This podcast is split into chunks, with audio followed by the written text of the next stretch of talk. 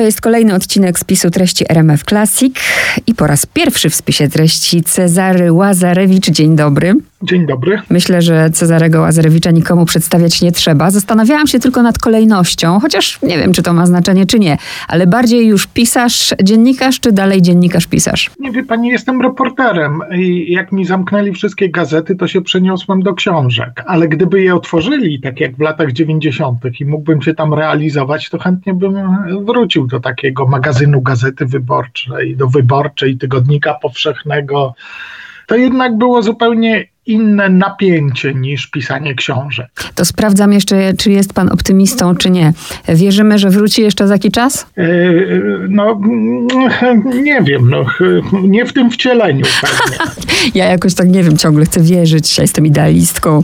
Naszewskiej, sprawa Stanisława Pyjasa. Poświęcił pan tej, tej książce cztery lata swojego życia, a ja ją przeczytałam w jedno popołudnie, ale no nie dało się oderwać. Bardzo się cieszę, że. Bo chciał, wie pani, chciał, jak piszę o przeszłości, to chciałbym, żeby ona, by, ona wywoływała emocje.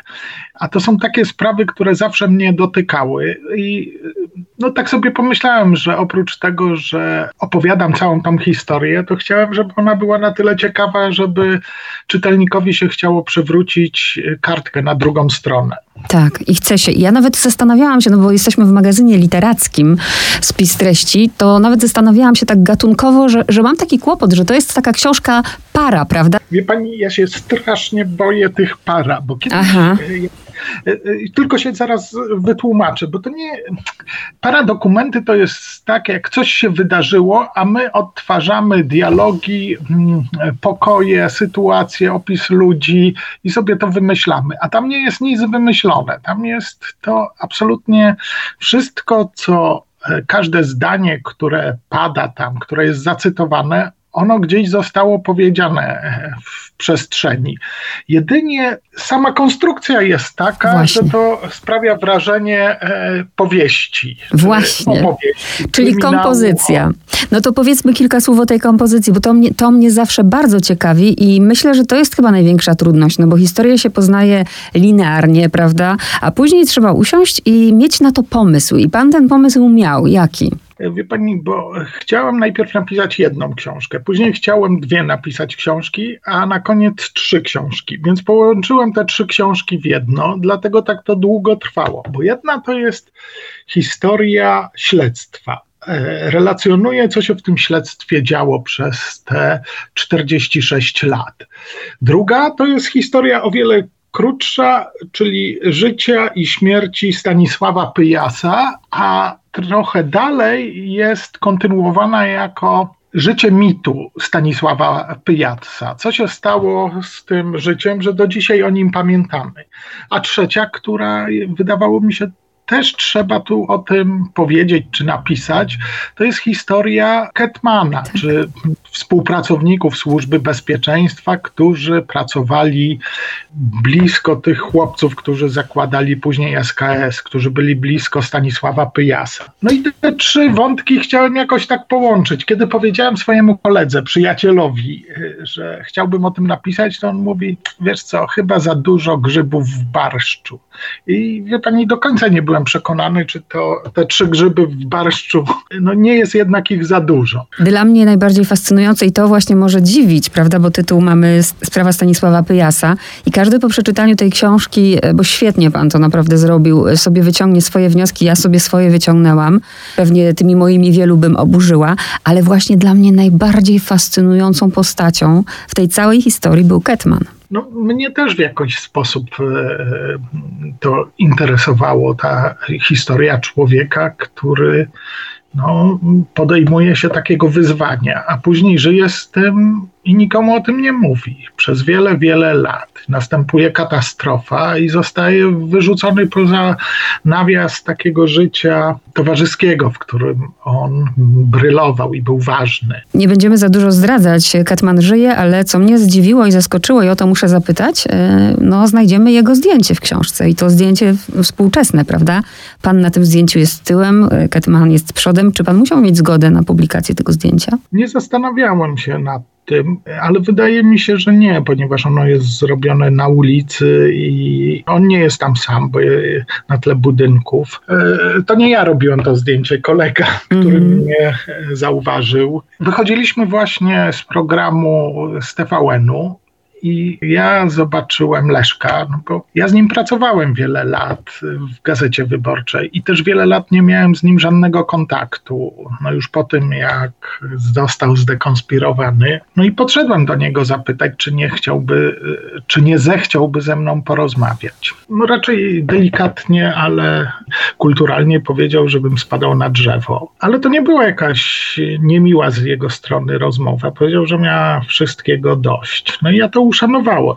No bo zadałam sobie pytanie właśnie, czy to zdjęcie teraz nie spowoduje u pewnej grupy ludzi, bo to wiadomo, że są ludzie i ludzie, e, że teraz no, na te stare lata no, będzie miał, znów nie będzie miał spokoju, który już tak bardzo by chciał mieć. E, wie pani, no to myślę, że e, ja nie nagrywałem go z partyzanta, jak to niektórzy robili. Tak. Starałem się być w tym uczciwy. No nie, nie sądzę, żeby. Ale wie pani, jeśli pani myśli, że książki mają taką siłę rażenia, że mogą spowodować, że zdjęcie umieszczone czarno-białe na której stronie może spowodować, że człowiek stanie się rozpoznawalnym, no to byłoby super. Ale nie, to jest raczej historia dla, dla ludzi, którzy pamiętają PRL. Nie ma problemu, żeby znaleźć zdjęcie Maleszki w internecie. Ono jest w encyklopedii y, Solidarności, jest w leksykonie opozycji, które karta wydała nie ma problemu, żeby jakby Leszka rozpoznać. Na tak, tak. On, on są, one są, one są z czasów młodości, prawda? Ja bardziej myślę, że teraz tak. właśnie w galerii ktoś go będzie handlowej mijał. I, ale to już są moje fantazje, prawda? Ale e... pani, ja go, ja go kiedyś obserwowałem w galerii tak. handlowej. Nikt go nie rozpoznaje. Mhm. Nikt nie wie, kim on jest. To jest czas, dożyliśmy cudownych czasów, że nazwisko Maleszka, Kiszczak, SB pamiętają już tylko naprawdę nieliczni. Dla mnie e, fascynująca lektura i wie pan co, kiedy, bo najpierw sobie zadałam pytanie, czy w ogóle mam prawo zadać to pytanie, ale niestety okazuje się, że nie tylko mam prawo, ale ja wręcz muszę, ponieważ zrobiłam eksperyment, mieszkam bardzo niedaleko szkoły ponadpodstawowej, technikum i zrobiłam eksperyment bez mikrofonu, bez niczego, mówię, słuchajcie, nie dostaniecie za to jedynki, nigdzie to nie jest nagrywane, nikt się nie dowie, czy w ogóle mówi wam coś e, imię i nazwisko Stanisław Pyjas? I to jest Kraków. I zapytałam czworo młodych ludzi, z których jedna mi tylko powiedziała, coś tam słyszałem. To prawda, wie pani, historię trzeba ciągle na nowo opowiadać i w zupełnie innym kontekście. To, co my wiedzieliśmy, nie wiem, na początku lat 90., to nie jest to samo, co wiedzą dzisiaj ci młodzi ludzie. Większość z nich urodzi, stud dzisiejsi studenci to są e, e, rocznik 2000. No to proszę sobie wyobrazić, no, taka świadomość to w 2007 mieli e, świadomość, to może pierwsze takie wydarzenie kształtujące to jest katastrofa smoleńska. A wszystko, co było dalej, to jest ten problem, e, że to jest równie daleko jest bitwa pod Grunwaldem, jak rok 77 i czarne juwenalia dla nich. Nie pasjonujemy się e, tą historią, a też przez wiele lat nie potrafiliśmy opowiadać o swojej historii w sposób ciekawy i interesujący. Ja myślę, że reportaż jest czymś takim, co może przybliżyć, e, przybliżać historię. Wojtek Orliński napisał teraz książkę o Koperniku. I wie tak. pani, do głowy by mi nie przyszło, że Kopernik może być taką fascynującą postacią, że można o nim pisać w taki sposób, że to się chce czytać. To jest ten sposób. Historycy też robią postępy, bo piszą coraz lepiej. To, co powiedziałem, że no, po raz kolejny musimy opowiedzieć e, historię tak, żeby ona pasjonowała tych e, małolatów, tych, którzy dopiero wchodzą w życie. Tak, ja bardzo namawiam e, i zresztą już nawet ta moja książka, ten mój egzemplarz już jest kolejka, nawet, bo to panu powiem, bo to jest bardzo fascynujące, że jedna osoba, która wcześniej miała tę książkę, zatrzymała się, nawet mam tu zakładkę na stronie 210 i ja mówię, słuchaj, ja muszę wziąć tę książkę, bo mam wywiad. To nie wyrzucaj mi tej karteczki, nie? I jest na tej 210 dziesiątej i nic mi nie mów, nie? I to było takie cudowne, bo to naprawdę się czyta wspaniale. Ja sobie też zadawałam takie pytanie, no bo mija od tej śmierci no 46 lat, prawda, w maju minęło. Czy były jakieś kłopoty? Trochę tam pan opisuje, ale pytam o, o coś może, czego pan nie opisał. Czy, czy nie wiem, spotkał się pan z takim czymś, a po co do tego wracać, a po co się tym zajmować, a jakieś kłopoty z dostępem do dokumentacji, czy już raczej nie? Kłopoty z dostępem do dokumentacji nie było. Kłopot był jeden e, z powodu pandemii, ale spotkałem wielu życzliwych e, ludzi. E, proszę sobie wyobrazić, że jak szedłem do sądu, to dostałem te akta po wielu tygodniach czytania na jedną godzinę bez możliwości y, kopiowania ich. No to nie było możliwości i to spowodował COVID. Ja trafiałem na takie okienka, kiedy było trochę lepiej, więc wtedy czytałem akta. Y, y, archiwa były czynne. Ale oczywiście, wie pani, odnalazłem po wielu staraniach pierwszą dziewczynę Staszka Pyjasa, która jest teraz pielęgniarką w Stanach Zjednoczonych i dodzwoniłem się do niej, a jej głos zamarł, jakby usłyszała ducha, kiedy powiedziałem, że chciałbym rozmawiać o Stanisławie Pyjasie.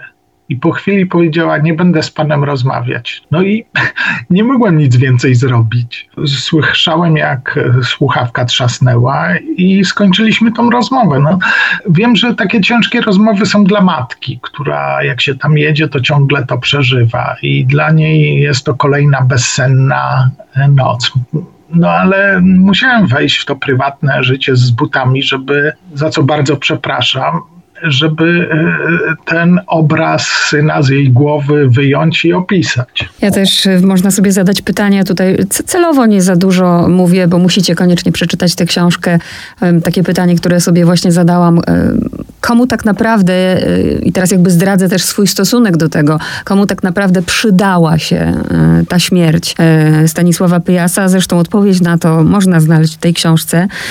I też pomyślałam, no, że dla niektórych, którzy poświęcili całe swoje życie, wierząc w to głęboko, no bo to życie straciłoby inaczej sens, chociażby rodzina, no to wiem, że nie da im się wydrzeć tego mitu i, i no i chyba trzeba to już tak po prostu zostawić. Wie pani, ja myślę, że tak, śmierć Stanisława Pyjasa na pewno jest jednym z takich punktów przełomowych w historii PRL-u, punktem zwrotnym.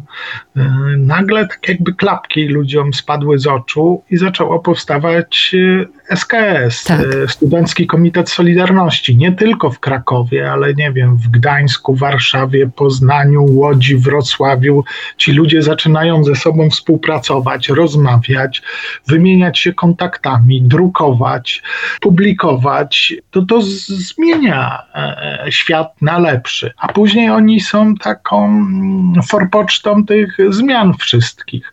No przecież Bogusław Sonik jest e, wiceprzewodniczącym Solidarności Małopolskiej. Od razu ale ma to trzyletnie doświadczenie. Ci SKS-owcy organizują spotkania latającego uniwersytetu, zapraszają ważnych gości, toczą się dyskusje. No i co z tego, że oni są inwigilowani, jak ISB wszystko o nich wie, jak nie może ich powstrzymać, nie ma sposobu, nie ma pomysłu na to, co zrobić, e, żeby SKS przestał działać. No są różne jakieś prowokacje, e, no nie wiem, wstawiają tam jakichś dziwnych ludzi, próbują skompromitować, no ale się to wszystko nie udaje. A o samym Stanisławie Pyjasie, tak myślę, czytając tę książkę i tak mi szkoda tego chłopaka też, y, znaczy szkoda z jednej strony, no bo to po prostu, no, hipisi, anarchiści, buntownicy, y, słuchający określonej muzyki. Jest mi to w ogóle bardzo bliskie. Ja czasem nawet myślę, że nie chodziło konkretnie o sprawę uwięzionych robotników. Może to ryzykowne, co teraz powiem, ale tak naprawdę właśnie chodziło o bunt. Chodziło o to, żeby się, żeby się buntować, bo taka jest młodość i no, wszystko to mogłoby się mm, potoczyć zupełnie inaczej. No właśnie, wie pani, gdyby to był normalny kraj, gdyby to była e, normalna Polska, no to oni byliby artystami, pisarzami, poetami, a nie zakładnikami służby bezpieczeństwa. Bo to, co oni robili, to, to była normalna buntownicza działalność ludzi w wieku, nie wiem, 20-25 lat, którzy pochłaniali książki, próbowali się o świecie czegoś dowiedzieć, a jak coś było zakazane, no to wsadzali tam stopę między drzwi, próbowali e, zerkać, co się w tym zakazanym świecie e, dzieje. I to był powód, że Służba Bezpieczeństwa nimi się zainteresowała. No a jak powstał KOR, no to się zainteresowali tak. działalnością Komitetu Obrony Robotników. Tak. No i to było naturalne. No trochę chciałem odtworzyć te czasy. Korzystam z dzienników, wspomnień, jakichś notatek drobnych, które się zachowały. No po się niewiele zostało, ale to, co zostało, no to też wykorzystałem. Tak, żeby nie no. zbliżyć jego postać. No to możemy sobie tak wyobrazić, no, e, też zajmuje się służbowo Grzegorzem Ciechowskim. No to była podobna postać, która w pewnym momencie postan e, Ciechowski postanowił z Tczewa wyjechać do Torunia. Tam po prostu zaczął nasiąkać muzyką, e, pisał teksty zaangażowane, no ale to już były lata 80., to był inny czas. Inny stan świadomości, jak to się mówi. Tak, i on wylądował e, w Warszawie, no, stał się głównym, ważnym muzykiem, który, nie wiem, nadawał trend polskiej muzyce rozrywkowej. Być może tak samo byłoby z Pyjasem, który stałby się ważnym pisarzem, ważnym publicystą, ważnym myślicielem, bo to było na pograniczu literatury, filozofii, teatru, wszystko tam buzowało, ideologii. Udało, czy udało, nie udało się, broń Boże się nie udało, bo to była ciężka charuwa i ja się domyślam, ale napisał pan e, i to nie jest kokieteria, wspaniałą książkę, którą się czyta z wypiekami na twarzy, bardzo gorąco polecam wszystkim młodym e, i no i cóż, no i dziękuję za dzisiejszą rozmowę. Dziękuję bardzo, e, bardzo pani dziękuję za zaproszenie do studia. Szkoda, że nie mogłem powiedzieć, że na przykład Pyjas i koledzy słuchali muzyki muzyki klasycznej, ale oni niestety słuchali ciężkiego hard rocka, tak to się wtedy nazywało. Tak, tak. Za kilka dni chyba jutro jest Jay Slayera i właśnie się śmiałam do kolegów, może puścimy w RMF Classic, ale nie przejdzie.